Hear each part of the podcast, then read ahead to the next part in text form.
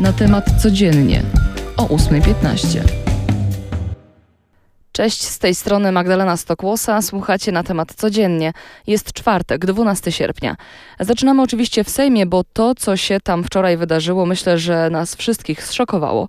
Ale po kolei wczoraj odbyło się posiedzenie Sejmu w sprawie Lex TVN. Przed głosowaniem wniosek o odroczenie obrad do września złożyli posłowie opozycji i wniosek ten większością głosów został przyjęty. Jednak triumf opozycji nie był długi i ku zaskoczeniu wszystkich marszałek Sejmu Elżbieta Witek ogłosiła reasumpcję reasumpcję głosowania i Sejm wznowił pracę i w kolejnym głosowaniu już wygrał PiS, zyskując trzech posłów Kukiz 15, lidera Pawła Kukiza, Jarosława Sachajko oraz Stanisława Żuka. Następnie obóz rządzący przeforsował nowelizację ustawy medialnej.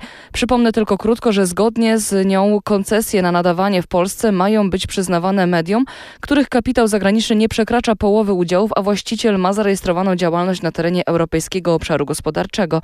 Projekt trafił teraz do Senatu. Tam najprawdopodobniej zostanie odrzucony przez większość opozycyjną, a następnie wróci pod obrady Sejmu. Co istotne, aby Sejm mógł odrzucić senackie weto, potrzeba większości bezwzględnej, a takiej na ten moment PiS nie ma. Prawnicy, politolodzy oraz część polityków zwraca uwagę, że takie głosowanie do skutku, które miało miejsce wczoraj, nie znajduje żadnego usprawiedliwienia. Nie będę wam tutaj teraz e, zamieszczać wszystkich komentarzy polityków e, i nie tylko. Znajdziecie je wszystkie oczywiście na natemat.pl. Jednak nie mogę przejść obojętnie wobec tego, co wydarzyło się później w socialach. Na działanie polskiego rządu zwrócił uwagę sekretarz stanu USA Antony Blinken. Napisał o tym, że Stany są głęboko zaniepokojone tym, co się stało. Szef klubu Koalicji Obywatelskiej Borys Budka napisał, że opozycja złoży wspólny wniosek o odwołanie marszałek Elżbiety Witek. Ma też zostać złożone zawiadomienie do prokuratury za łamanie praw przy reasumpcji głosowania nad odroczeniem obrad. Swoje niezadowolenie wyraziły też setki osób w Warszawie, które protestowało przed Sejmem.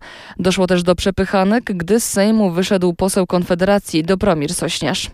Tak jak już wspomniałam, odsyłam Was na naszą stronę główną. Tam nasi dziennikarze bardzo szeroko opisują tę sprawę, jak i wszystkie wątki, które są związane z Lex TVN. Gorąco nie tylko w Sejmie. Wczoraj odnotowano nowy rekord temperatury w Europie. We Włoszech na Sycylii termometry pokazały 48,8 stopnia Celsjusza. Poprzedni rekord z 1977 roku należał do Aten. To sprawka Lucyfera, który przechodzi przez Europę, dając tam takie temperatury. W całych Włoszech obowiązuje najwyższy stopień zagrożenia pożarowego.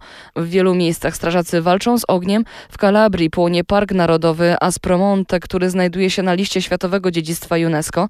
Ogień szaleje też na Sycylii czy Sardynii oraz w Grecji. Tam nadal nie udało się opanować trudnej sytuacji. Teraz sprawdźmy, jak tam na trasie Tour de Pologne, no bo za nami kolejny, trzeci etap, który był też najdłuższy na trasie. Wygrał Kolumbijczyk Fernando Gaviria, Michał Kwiatkowski został liderem w sprincie, a Łukasz Owsian zapunktował wczoraj na wszystkich premiach górskich i został liderem górali. Na czele klasyfikacji pozostaje Joel Almeida. Dziś kolarze mają przed sobą trasę Starnowa do Bukowiny Tatrzańskiej. Teraz o fascynującym spektaklu, który każdy z nas może dziś zobaczyć na niebie całkowicie za darmo. Chodzi o Perseidy, czyli deszcz meteorów. To zjawisko najlepiej jest u nas widoczne właśnie w sierpniu, a jego największa kumulacja będzie widoczna dzisiejszej nocy.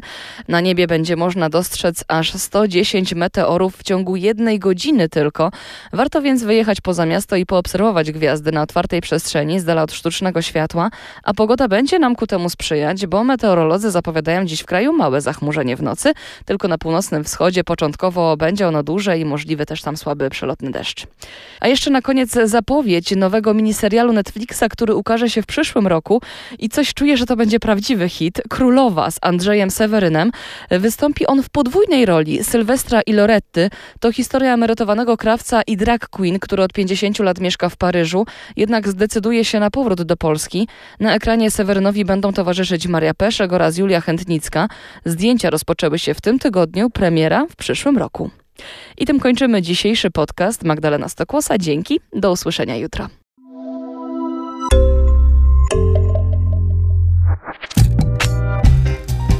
Na temat codziennie o 8.15.